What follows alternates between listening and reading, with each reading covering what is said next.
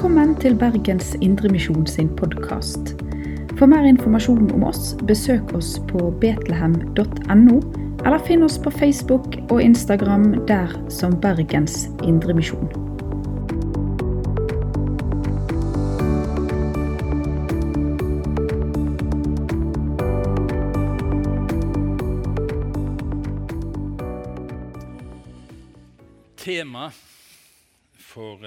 Dagens preken er med Guds ord til folket. Vi bor i et nydelig land, det må vi si. Fantastisk vakkert. Eh, på den veggen for mange mange år siden så sto det som nå møter dere når dere går inn i salen her. Et stort maleri, liten hvitmalt kirke inni en fjordende. Land, land, land. Hør Herrens ord. Du sendte ditt ord, står der i Fedrelandssalmen. Vårt heimland i mørka lenge låg, og vannkunna ljoset gjøymde. Men Gud, du i nåde til oss såg, din kjærleik oss ikke gjøymde. Du sendte ditt ord til Nåriksfjell, og ljos over landet strøymde. Gud sendte sitt ord, og det skapte forandring. Det skapte forandring i en kultur hvor menneskeliv ikke var mye verdt. Barnet fikk sin verdi, kvinnene fikk sin verdi. Det skjedde en oppreisning, en forandring i folket, fordi Guds ordet skapte noe nytt.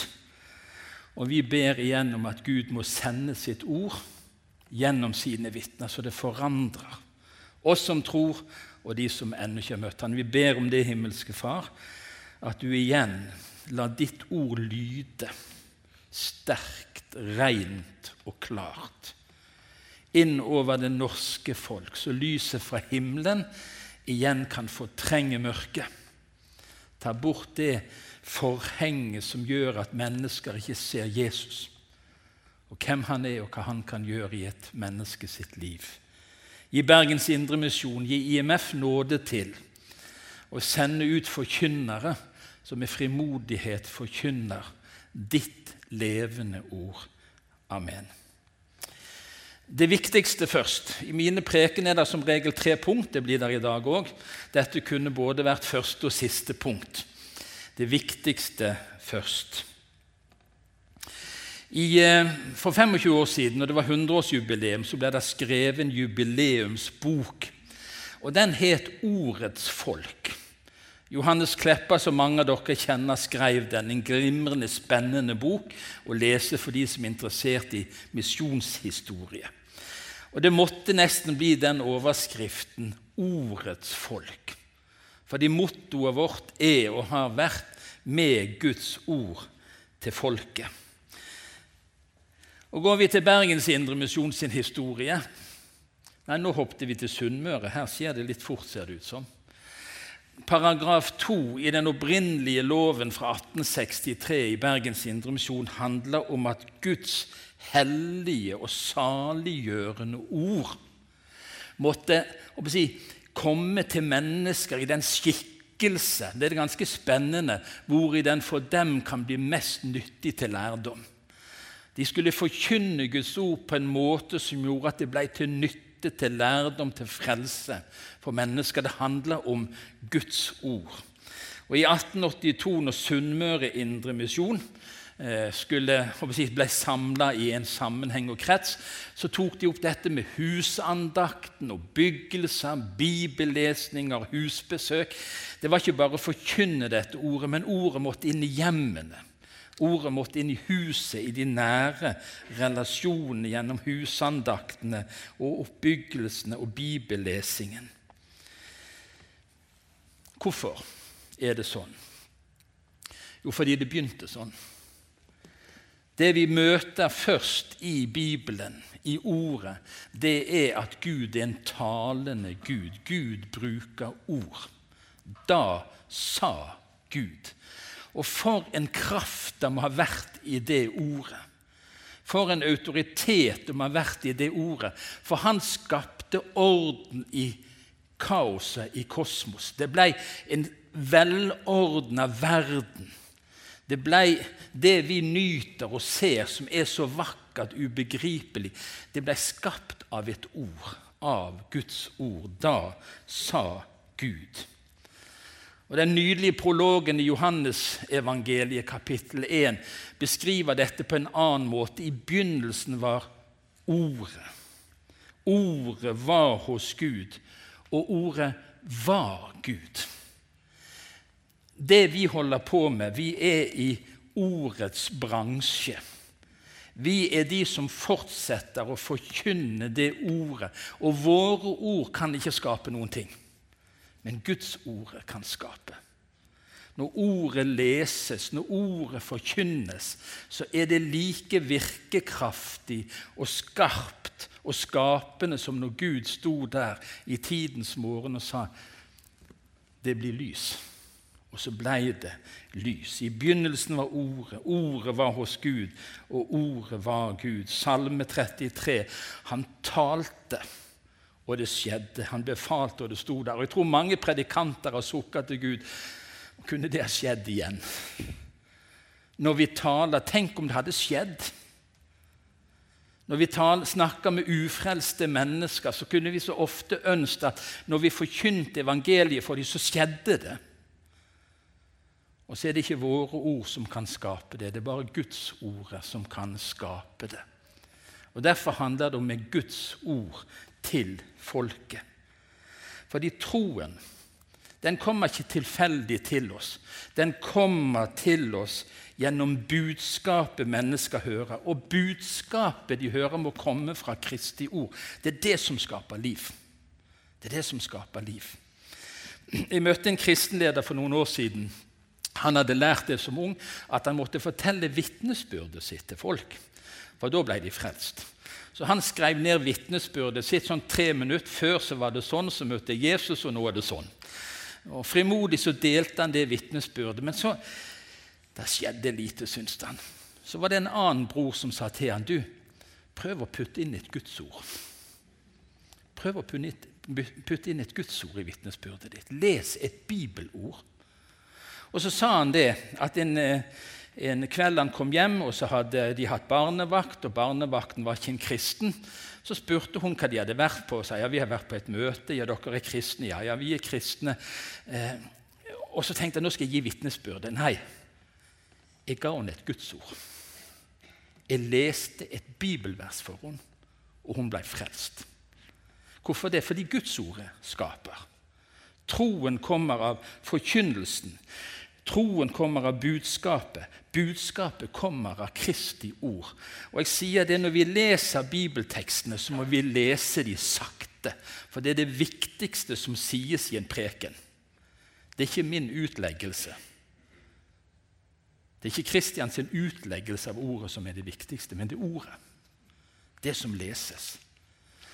Og Jeg vet ikke hvor mange ganger jeg har hørt det. Vi hørte det kanskje mer før. Jeg hørte meg frelst. Jeg hørte et Guds ord, og det frelste meg. Og så er det en kjerne i dette ordet. Det er jo et spennende, mangfoldig budskap i alle disse sidene som er her. Det er en kjerne, det er et kjernebudskap, det er et kjerneord i ordet. For jeg skammer meg ikke over evangeliet, sier Paulus. Det er Guds kraft til frelse. Evangeliet, ordet om Jesus om Han som døde for våre synder, som oppsto til vår rettferdighet. Det ordet, kjernebudskapet. Og Det skammer vi oss ikke over. For det ordet er til frelse for hver den som tror, for jøde først og så greker. Evangeliet. For noen år siden så var jeg på evangeliseringskurs i Betlehem. Og så skulle vi ut og praktisere. Og Vi hadde sittet her inne en hel lørdag, og lørdagskveld før ungdomskvelden skulle vi gå og banke på dører oppover her og se om folk var hjemme. Og vi hadde lært de ti viktigste innvendingene folk hadde mot troen. Og Vi var to unge gutter som gikk opp i bakken her, og rett oppi her på andre siden så møtte vi en student. Han var tydelig på vei ut for å feire, men vi holdt han igjen. Og Så spurte vi kan vi få lov å dele evangeliet med det. Ja vel, da, sa han. Men vi delte jo ikke evangeliet. Vi ga han de ti beste argumentene som på en måte vi hadde for å overbevise folk. Og Han prøvde å komme med en innvending, og vi slo han i bakken med et bedre argument. og han kom med en ny innvending. Og Gjennom den samtalen så kom han med åtte av ti av de innvendingene vi hadde lært. Vi vant debatten, men vi vant ikke mannen. Og Jeg har tenkt så mange ganger etterpå hvordan gikk det med han? For vi ga han jo ikke evangeliet. Vi, ga, vi, vi gikk inn i en sånn pingpong-diskusjon om hvem som hadde de beste svarene på vanskelige spørsmål. Men det er et budskap i budskapet. Det er et ord i ordet, og det er evangeliet. Det er Guds kraft til frelse. Og det må vi aldri skamme oss over. Det andre vi skal si litt om, hva har historien lært oss?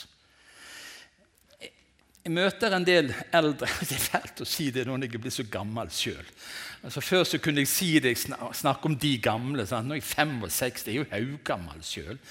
Husker jeg satt oppe på YA-salen der oppe og tenkte der kommer de der gamle predikantene. De var minst 50 år. Og sto der og, i sånne der uh, musegrå dressjakker og skulle overbevise oss unge om veien. Må aldri bli en sånn gammel, treig predikant. Og nå er jeg gamlere enn de fleste av det de var.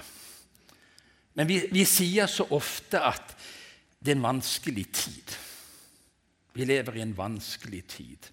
Fristelsene, utfordringene er så mange. Tiden begynte på denne måten, har Gud virkelig sagt de to første menneskene som ble planta inn i denne verden, de møtte samme utfordringen som du og jeg møter i dag. Det har ikke forandra seg. Det sies det samme nå som det ble sagt i skapelsens morgen til de første menneskene. Og utfordringen er akkurat den samme. Har Gud virkelig sagt? Nå kan det nok hende at vi tror han har sagt det, men vi er ikke sikre på om han mente det når han sa det. Vi omskriver det litt. Men utfordringen, det historien har lært oss, dette går bare om igjen og om igjen i sirkler. Det blir bare mer avansert, kanskje, men utfordringen er den samme. Og vårt svar til hverandre, det vi må hjelpe hverandre til, å tro og stå fast på, det er at hver bok i Skriften er innblåst av Gud og nyttig til opplæring, til rettevisning, veiledning og oppdragelse i rettferd. Hver bok i Skriften, og nå taler Paulus her om Det gamle testamentet. Og Hvor mye mer skulle ikke vi tro det om Det nye testamentet? Men det er Guds ord. Det er innånda, det er blåst på av Den hellige ånd. Det er levende, og det er nyttig. Og hver gang du tenker og kjenner har nå Gud virkelig sagt? Hvor skal du gå hen? Du skal gå til Skriftene. Du skal gå til Ordet, som er nyttig til opplæring, til rettevisning og veiledning og oppdragelse i rettferd. Jeg regner med at en del av dere leser Dagen. Nå skal jeg ikke drive reklame for noen aviser her, men for noen uker siden, kanskje bare var det i forrige uke eller uken før, så ble eh, Andreas Masvi intervjua. Og så sier han ganske utfordrende Han mener at norske kristne sklir i liberal retning uten å snakke om det. Og han snakker ikke om de, men han snakker inn i lavkirkeligheten, i frikirkeligheten, i det bibeltro landskapet som vi har vært en del av. Og så kjenner han på en utfordring at vi kristne sklir i en liberal retning. Så gir han noen grunner, og så kommer det i neste avsnitt. Kombinasjonen av disse grunnene som han beskriver, gjør at mange medlemmer i konservative protestantiske menigheter ikke bare setter spørsmålstegn ved etablerte svar, men at nye svar, sier han, i hjertene allerede er gitt mer eller mindre bevisst, sier han. Han sier det har flytta seg hvor svaret fins ifra ordet til følelsene til hjertet. Bibelen bruker mange begrep på forskjellige måter. Hjertet omtales negativt og positivt. Vi skal ta det positive i neste punkt. Vi tar det negative nå. Hjertet er ingen dommer om hva som er sannhet, og hva er Guds tanke for mennesket. Hjertet vårt kan forledes. Følelsene våre kan spille puss med oss på en sånn måte at ja, men det kan jo ikke være sånn. For vi føler så sterkt at det ikke er bra for mennesker. Vi føler det så sterkt at det kan jo ikke være rettferdig at det kan være sånn. Følelsene våre drar av gårde med oss. Og I en av våre teologiske institusjoner som før var reist for at ordet alene skulle være rettesnor, sier nå ordet og den menneskelige erfaring likestilles. Hjertets tale. Hjertets tale. Hva sier Bibelen om hjertet? Hjertet er mer svikefullt enn noe annet. Det kan ikke helbredes. Hvem kan forstå det? Og nå kan Vi forstå, vi er enige i det det der med hjertemerkelige ting. Men det er ikke hjertet vårt som er dommeren i teologiske spørsmål. Og Det som Masvi sier, det er at nå er det ikke lenger hva ordet sier, men hva vi føler, som er rett og sant og godt. Og da vil det ikke være noe som er sant i lengden, for følelsene våre skifter. Erfaringene våre skifter. Vi forkynner med Guds ord til folket. Vi snakker om at Bibelen alene, ordet alene, skal være det som danner vår lære, og det, eh, det vi skal leve etter i overensstemmelse med. For hjertet vårt Og nå skal ikke vi snakke om hjerteløshet, vi skal komme tilbake igjen til det. Det er ikke det Bibelen snakker om. Men hjertet er ikke dommeren. Det er ikke hjertet som er dommeren. Og Derfor leser vi fra 2. Peters brev, når Peter sier det. Derfor står også profetordet så mye fastere for oss. Det ordet gjør dere rett i å holde fast på. Dette er et profetisk ord. Uavhengig av tid og sted. Uavhengig av kultur og ytre omstendigheter. Dette er et profetisk ord, og det står fast. Ikke en tøddel skal forandre, sier Jesus. Ikke en bokstav, ikke et komma, ikke et punktum. Ingenting av det som er skrevet, skal vi drive og forandre på. For det er et profetisk ord. Det er Guds ord. Det er Han som skapte ved sitt ord. Det er det ordet vi skal formidle så kan vi spørre oss fins det da en bedre vei enn å bare forkynne ordet. Så skal vi dvele ved det siste punktet, det som kanskje er det mest utfordrende for oss når det kommer til stykket. Før du bruker Bibelen som et sverd, bruk den som et speil. Det ordtaket der har talt til meg ganske lenge. I fem uker fra 1. august av så leste jeg bare 1. Korinterbrev, kapittel 13. I fem uker. Hver dag. Flere ganger til dagen. Jeg liker gjerne å si 'så sier Herren' og være tydelig i forkynnelsen. Jeg har ikke vært redd for å bruke ordet som et sverd, fordi det er et sverd. Det er et tveegga sverd. Men det Paulus her sier inn i en menighet som var rik på alle gaver De mangla ingenting. Alle nådegavene var på plass. De var rike på alt, står det i andre korinterbrev. Men så sier han det er en bedre vei, sier han. Det er en bedre vei. Og den begynner med at kristne som vil ta Guds ord på alvor, først og fremst leser det til seg sjøl. Som et speil ikke som et sverd. Vi hadde i Sandnes for noen år siden en menighet som virkelig nådde ut. De si, virkelig utstøtte, de som sleit med livet sitt. Mange av de ble frelst og tok imot Jesus. Og de innførte ganske raskt en regel i menigheten at ingen fikk lov til å formane noen av disse nye før de hadde bevist at de elska dem.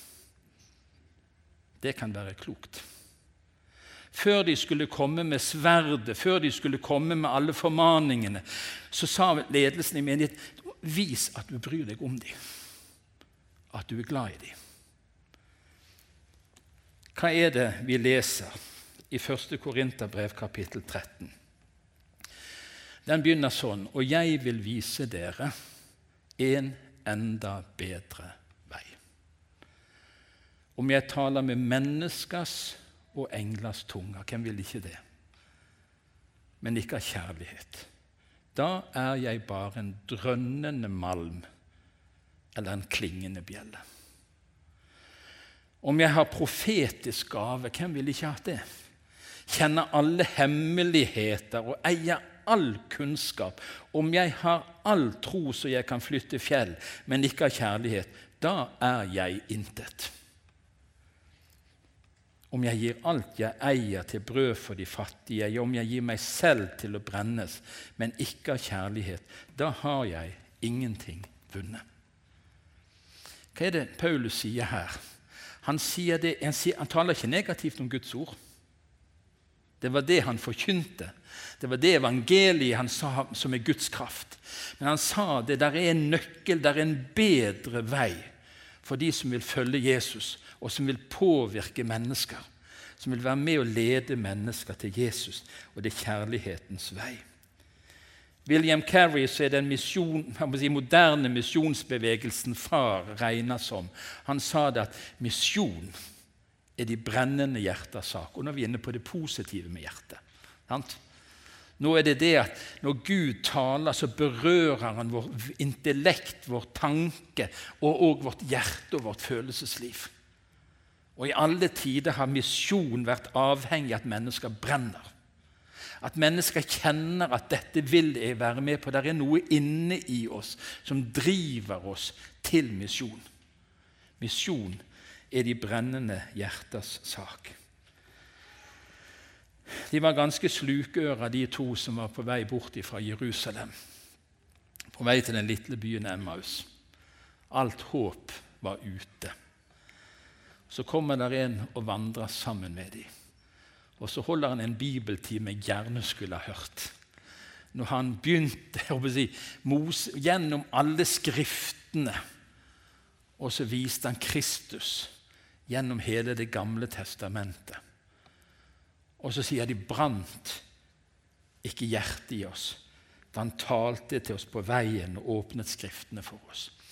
Det som skjedde når de ble berørt i sitt hjerte, var at de snudde og sprang tilbake igjen. De som var i ferd med å gi opp, de som tenkte at alt håp var ute, de fikk misjonsføtter. Og de sprang tilbake til de andre for å fortelle det de hadde sett, og det de hadde hørt. Og det er kjernen i misjonen. Det er når hjertene blir berørt. Når det berører oss, setter oss fri, så får vi misjonsføtter. Vakre føtter, sier Jesaja og Romerbrevet kapittel 10. Sånn, disse menneskene som har gode føtter, for de springer med et så godt budskap. Og Derfor så sier Bibelen til oss i Ordspråkene kapittel 4.: Bevar ditt hjerte. Bevar ditt hjerte framfor alt det du bevarer. For livet, livet går ut ifra det. Eh, jeg tror ikke vi er der vi skulle ha vært i forhold til dette. Det kan gå årevis uten at noen spør meg, Runa, hvordan har du det med Gud? Hvordan har du det med Gud? Hvordan står det til? Vi har sånne mange fine fraser i alt vel. Står det bra til? Og det står jo bra til på mange områder. Men hvordan står det til med hjertet ditt? Hvordan har du det med Gud? Så kan noen si at det er mye bedre at Gud hadde rett med meg enn at jeg hadde rett med Gud. Men det henger sammen. Det henger sammen.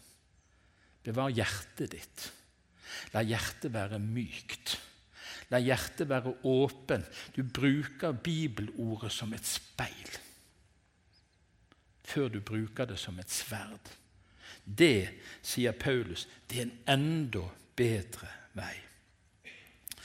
Predikantenes predikant ble han kalt Charles Spurgeon. Og se på den lille sitatet der. Faith goes up the stairs that love has built. Troen. Troen vandrer på en annen måte i sporene der hvor kjærligheten har bygd en vei. Der hvor evangeliet er mer enn en, en, en, idé, en tanke vi vil påføre, pådytte andre, men der hvor kjærligheten til menneskene der hvor Jesu kjærlighet Han så på folket, og så fikk han inderlig medfølelse med dem.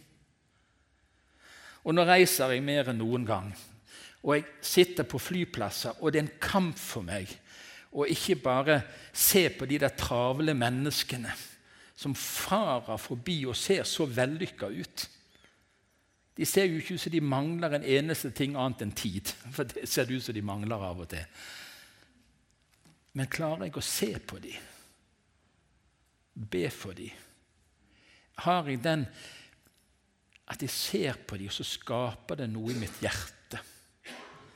Jeg hadde en festlig opplevelse for noen uker siden. Jeg satt ved siden av en ungdom på flyet. og Jeg er ikke evangelist, så jeg er ikke sånn som spør skal jeg få tegne evangeliet på en, nei, på en sånn liten lapp for deg nå, sånn at du kan bli frelst. Men av og til så skjer det forunderlige ting. Så spurte jeg han hva han skulle. Jo, han skulle til Bergen, han var musiker. Han, hadde, han lagde sånn ny digitalmusikk. Han hadde vært i Tyskland og spilt for 300 000 mennesker og greier. Så han skulle visst være kjendis. Sant? Jeg ante jo ikke hvem han var, og ikke hva han på med heller. Og Så spurte han hva jeg skulle. Nei, jeg har fått meg ny jobb i Bergen, og jeg skal lede det som heter Indremisjon. 'Å, er du sånn kristen, du', sa han da. Ja. Jeg er oppvokst i en pinsemenighet, sa han. Jeg er oppvokst i en pinsemenighet hva, hva, er viktig for deg? Så begynte han å stille mange teologiske spørsmål. Det gikk på alkohol og det gikk på all verdens ting hva jeg mente om det ene og det andre. Det var litt vanskelig å pensle inn. Der jeg vokste opp, sa han, for jeg prøvde å, å, lese, å sitere Bibelen for han. Det var ikke så mye prekende. Folk bare fortalte hva de hadde opplevd med Gud, sa han. Det var liksom det han var oppvokst med. Men å få lov, ganske enkelt, på en flyreise å få lov å fortelle om Jesus Altså, det er så mange møtesteder. Jeg kjenner det nesten hver eneste gang Gud gjør noe med hjertet mitt. La meg få se. Lær meg å skue, sang vi en gammel misjonssang. Lær meg å skue med ditt blikk. Har du Jesu blikk? Har du Jesu hjerte i møte med menneskene? Troen går opp de trappene som kjærligheten har bygga. Paragraf 1 i Sunnmøre Indremisjon sine lover fra 1882 handla ikke om ordets forkynnelse. Det var paragraf 2. I paragraf 1 så sa de deriblant også virke til større sans for kirkelig fattigpleie og annen organisert barmhjertighetsgjerning. Og Det har Bergens Indremisjon vært eksempel på. Vi må bry oss om menneskene. Menneskene må merke det, at vi elsker dem. Ikke fordi vi er, har så fantastiske hjerter, men fordi Guds kjærlighet er i våre hjerter ved Den hellige ånd. Vi elsker fordi Han elsker oss først. Kristi kjærlighet tvinger oss, sier Paulus. Det er en bedre vei, folk. Det er en bedre vei. Er det noen som har vært og sett Jesus Revolution? Ja da, nå kommer hendene dine, jeg skal be for deg. Nei, vi var, vi var ikke, nei, vi, beklager, vi, vi var ikke kommet så langt ennå. Tarjei Gilje skrev en liten petit om dette for et par uker siden. Tenk om vi kunne få ei ny Jesusvekking. Tenk om vi kunne få ei ny Jesusvekking. Så skriver han tankevekkende. Men tenk om vi kunne se et kristenfolk som var mindre opptatt av å kritisere syndere for at de synder, og mer opptatt av å møte alle mennesker i kraft av at de er elsket av Gud. Den er fin. Tenk om vi kunne møte mennesker med Guds kjærlighet mer enn med pekefingeren. Men nå kunne du si ja, men det kan alle si. Alle kan si det, men så kommer det en setning til i det sitatet. Med kall til omvendelse og et nytt liv i Kristus. Tenk om vi kunne møte menneskene sånn. Det fins en bedre vei, folkens. For Bergens Indremisjon i 2023 etter 160 år. Det er en gammel vei. Den veien har Betlehem gått før. Det var kjennetegnet i Bergens Indremisjon. Det var kjennetegnet på mye av det nye vekkelsesarbeidet som spredte seg ut fra våre kretser og forsamlinger. At det var ordets forkynnelse og kjærlighetsgjerninger som gikk hånd i hånd. Og tenk om vi kunne få en ny Jesusvekkelse, folk. Hvor vi som Guds folk var mindre opptatt av å fortelle hva, de, hva galt de gjør. Og Min erfaring er at når jeg møter mennesker som det virkelig er gått i stykker for, så vet de det veldig godt sjøl. De vet det veldig godt sjøl. Det de ikke har erfart, det er at noen bryr seg om dem og vil gå sammen med dem og vise dem Jesus. En enda bedre vei. Og Da avslutter vi med det som står i Efesene 4. Men vi skal være tro mot sannheten. Med Guds ord til folket. Da sa Gud hver bok i Skriften Vi skal være tro mot sannheten, men i kjærlighet. Og i ett og alt vokse opp til Han som er hodet Kristus. For han modellerte det for oss helt unikt, og vi kommer aldri der som han var.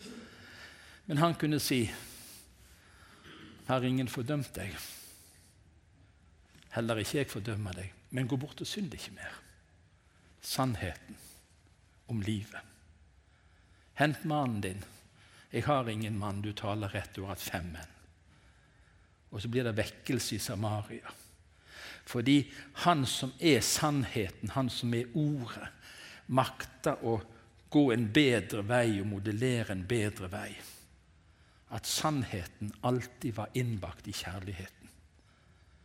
Og kjærligheten, den bygger en bro som troen kan komme i følge av, i følge med.